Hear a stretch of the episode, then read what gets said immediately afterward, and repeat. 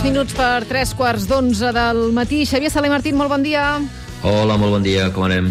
Doncs bé, aquí, eh, entretinguts, entretingudes amb la campanya electoral, els debats electorals, amunt i avall. Avui, avui tens un show, m'han dit, no? Sí, sí, sí, sí. avui s'entallargarà la cosa fins a quart d'una de la matinada, suposo que, que arribarem, però bé, en tot cas, important aquest debat, perquè saps que hi ha un 30% de gent que encara no ha decidit el vot, per tant, eh, pot ser que molts acabin de tenint clar quina papereta agafaran diumenge després de, del debat d'aquesta nit. Però escolta, mentre aquí estem eh, pendents de la campanya i dels discursos de, dels candidats, a l'altra banda de l'Atlàntic, la teva segona casa, estan pendents de, del sostre de deute, eh, amb el president Joe Biden eh, negociant amb el president de la Cambra de Representants, Kevin McCarthy, per mirar d'avançar. Per què? Per què és tan important? A veure, explica'ns, situa'ns situa què és el que està passant i per què és important que tanquin un acord sobre el sostre de deute.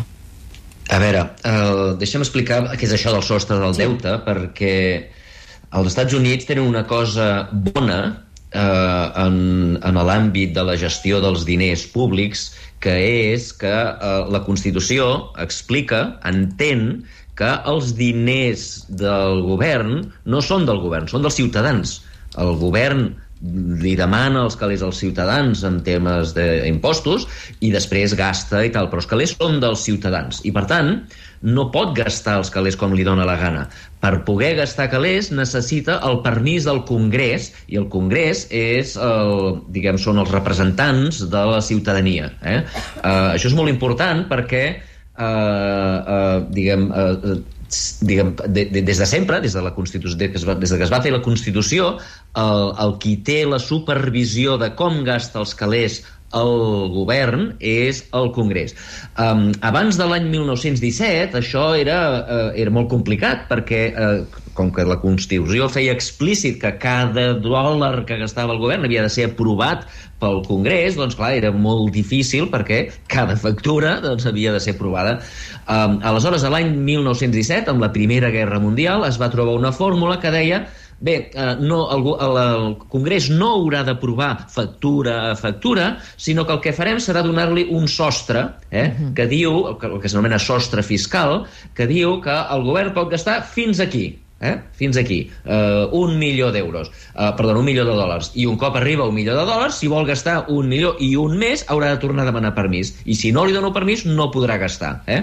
I això és el concepte de sostre fiscal. Avui dia, el sostre fiscal dels Estats Units, eh, el sostre que té el govern de Biden és de 31.000 eh, 381 bilions, eh, perdona, de 31 bilions, eh? eh és a dir, és a dir 31 eh, milions de milions, eh? Uh -huh eh, que és un com un 1,35% del PIB. El que es passi un, un dòlar per sobre d'això, i el govern ja no podrà demanar prestat i ja no podrà gastar. Eh? I el problema que estem tenint ara és que la ministra d'Economia, que aquí s'anomena la secretària del Tresor, ha dit que aquest límit que està posat ara, eh, aquest límit que ha anat pujant any rere any, any rere any, el límit d'ara, eh, d'aquest que t'estic explicant, de 31 mm. bilions de dòlars, eh, doncs permetrà pagar factures més o menys fins al dia 1 de juny. El dia 1 de juny es toca aquest sostre i, tal com diu la Constitució, el govern no podrà gastar a partir d'aquell moment ni un, uh, ni un dòlar més. No? Um, aquest sostre fiscal normalment, eh, des de l'any 17 fins ara, ha anat pujant i pujant i pujant perquè diguem, passaven dues coses. Una era que eh, o bé el govern i el Congrés, diguem, eren del mateix partit. Com sabeu, als Estats Units, eh, a diferència del que passa a altres indrets, no? el, el, el, el president del govern, el govern, no l'escull el Congrés sinó que l'escull directament la gent. És a dir, el, el dia de les eleccions hi ha dues eleccions. Una, s'escull el Congrés, i dos, s'escull el president independentment, i s'escull el president directament. Això fa que, de vegades, el Congrés sigui d'un partit i el president sigui d'un altre partit. Eh? Uh, I quan el president i el Congrés són del mateix partit, a Espanya, per exemple, eh, sempre passa, perquè com que qui escull el president és el Congrés, doncs el, el president no pot ser d'un altre partit perquè si no, no, no l'haguessin escollit. Uh, però als Estats Units poden ser dos partits diferents. Aleshores, quan som de dos partits diferents, diferents aleshores es comencen a fer la punyeta. Eh? Escolta'm, si tu no fas això o no fas allò, jo no et, posaré, no et pujaré el, el, el sostre de deute i per tant no podràs gastar i hauràs de tancar el govern. Eh, quan els dos partits són del quan el, quan el partit del govern i el partit del Congrés són els mateixos, no hi ha problema. Quan són diferents doncs s'han de posar d'acord. I normalment sempre s'han posat d'acord, fins que l'any 2011, no sé si recordareu, amb l'Obama de, de president i el Congrés radicalitzat amb una cosa que en aquell moment es deia el Tea Party. Eh? Oh, uns home, tios, i tant, un lobby. Uns tios, sí, sí, uns tios molt radicals que aleshores li van fer la punyeta en el pobre Obama i li van, li van dir t'aprovem augmentar el sostre eh, però hauràs de fer unes retallades brutals. Llavors va haver-hi un gran problema. Després no hi ha hagut masses problemes fins ara que hem substituït els radicals del Tea Party per als radicals trumpistes, eh, que, que, que ni tan sols admeten que van perdre les eleccions i per tant no estan disposats a col·laborar amb el Biden, el que volen és enfonsar-lo, encara que això sigui a costa de de, de, de, de fer que el govern no pugui pagar les factures, no? I ara estem en aquestes, eh? Com sabreu, estem el dia 23 de maig, si els diners, si és veritat que els diners s'acaben el dia 1 de juny, queda una setmana i, eh, diguem, un cop s'assoleixi aquest, aquest màxim, aquest eh, sostre, doncs el que passarà és que el govern, per llei, no podrà gastar ni un dòlar més. No podrà pagar salaris, mm. no podrà pagar interessos, no podrà pagar pensions, no podrà pagar els militars, etc etc etc. I aquesta és la situació. Eh, el, el Biden ha tornat corrents de, de la cimera del G7 de, de, de, de Japó per poder reunir-se, com deies tu, amb el McCarthy, que és el, el líder republicà, aviam si es posen d'acord amb aquesta setmana o eh, hi ha una catàstrofe de, diguem, el dia 1 de juny. Clar, quan dius una catàstrofe dius que no es podran pagar salaris, etc etc. Això a quin nivell? És a dir, a quantes persones uh, pot afectar això als Estats Units? Home, eh, tothom que cobra salaris públics, tots els empleats públics eh, de, hauran d'anar cap a casa perquè no els hi podran pagar el salari. Eh, i això no només serà un problema per ells, sinó que serà un problema per tota la gent que gaudeix dels, serveis d'aquesta gent. Per exemple, no s'emetran passaports, no es donaran permisos de construcció, la qual cosa doncs, les empreses que estan esperant construir no podran construir, etc etc etc. Però a banda d'això, doncs, eh, els pensionistes no cobraran, la, les, les famílies pobres que reben ajuts no podran rebre ajuts, el, la, la, la sanitat pública, eh, que encara que molta gent a Espanya es pensa que no n'hi ha, sí que hi ha sanitat pública als Estats Units, doncs aquesta també haurà de deixar de funcionar i, per tant, la catàstrofe en termes humans de tota aquesta gent que deixarà de cobrar i de rebre ajuts i tal serà, serà brutal. La catàstrofe econòmica també, no hi haurà permisos, no, el govern deixarà d'operar, però potser el problema més gran de tot és eh, que a mig i llarg termini eh, pot haver-hi una crisi financera mundial molt gran. Eh? Ah, o sigui que pot per... tenir efectes eh, a nivell mundial, a la resta de les economies. Sí, sí, pot tenir una, una catàstrofe mundial similar a la del 2008. Eh?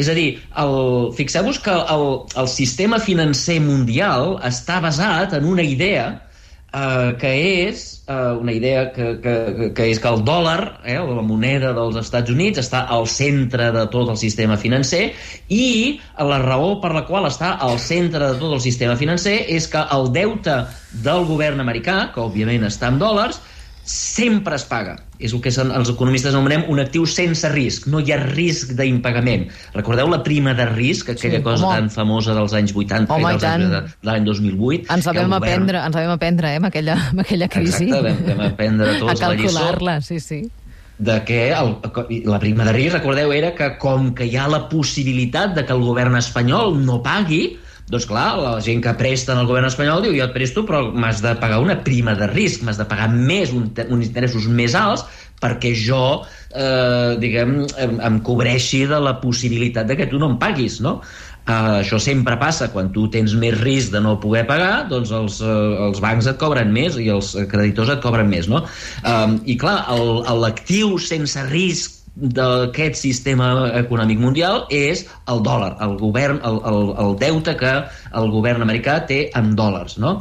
Clar, si això deixa de ser veritat, doncs resulta que tots els actius que fins ara ens pensàvem que no tenien risc, doncs resulta que tindran risc, perquè si el govern americà no paga els interessos, el govern americà farà fallida, és a dir, deixarà de pagar interessos, deixarà de ser cert que el, el, el, els actius del govern americà són sense risc, per tant pujaran els tipus d'interès, això farà que eh, recordeu fa unes setmanes que parlàvem del Silicon Valley Bank eh? Mm, sí. quan pugen els tipus d'interès i hi han bancs que han, han deixat prestat a tipus d'interès molt baixos doncs això fa que aquests bancs doncs, eh, passin a, estar en crisi eh, eh, aquesta va ser la raó per la qual Silicon Valley Bank va fer fallida perquè el banc suís va fer fallida eh, doncs això es multiplicaria per tota l'economia i això causaria una crisi, podria causar una crisi financera de proporcions bíbliques eh, i per tant això tindria conseqüències que van molt més enllà dels salaris americans. Això afectaria la banca espanyola, afectaria eh, la banca europea, la banca xinesa, la banca de tot el món. Per tant, eh,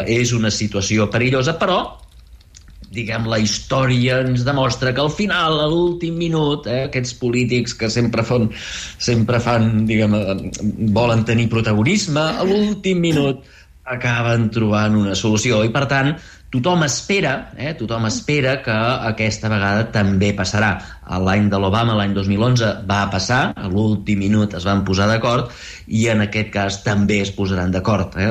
Com ja hem dit, el Biden ha tornat ràpid de la cimera del G7, s'està reunint amb el McCarthy, eh, i, i, i el que faran serà, jo crec, xutar la, la llauna eh, uns metres endavant, eh, el Biden no vol comprometre el seu programa de retallades, amb, amb retallades, el Biden, com sabeu, està gastant una muntanya enorme de calés amb, els seus, amb les seves eh, diguem, estratègies de renovació eh, energètica, etc etc i ell no vol renunciar a això, i els republicans no volen ser assenyalats com el partit que va bloquejar tot i va posar eh, va portar la fallida als Estats Units i per tant estan condemnats a, a, a entendre's jo crec que el que faran serà en lloc de fer retallades ara ens comprometran tots a fer retallades en el futur eh? no, no, d'aquí 5 anys de retallarem i tu estàs d'acord, jo també com que no sabem qui manarà d'aquí 5 anys doncs tots estarem d'acord amb, amb l'altre amb, diguem, amb que l'altre deixi de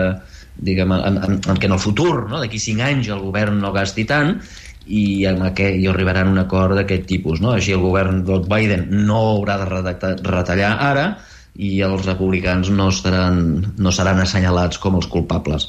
Jo crec que aquesta serà la solució, però de moment no, aquesta solució no, diguem, no està sobre la taula eh, i, i no sabem què passarà. És possible en aquests moments que, que el govern americà hagi de tancar les portes, no pagui ni interessos, ni salaris, ni pensions, i, i, i aquesta oberta, la, la, està oberta ara mateix aquesta possibilitat. Doncs haurem d'estar molt atents eh, fins a l'últim minut de tot el que passi als Estats Units. Hem de deixar aquí, Xavier, perquè hi 57 entren blocs electorals i queden sí, sí, sí. 40 segons. Molt bé. Moltes doncs, gràcies. Escolta'm, que tingui sort d'aquesta nit amb el, amb el debat amb les feres. T'ho agra... agraeixo.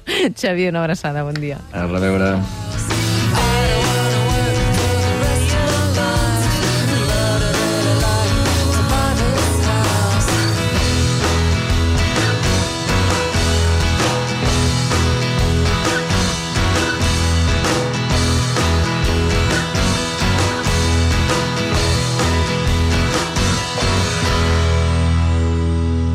El matí de Catalunya Ràdio, amb Laura Rossell.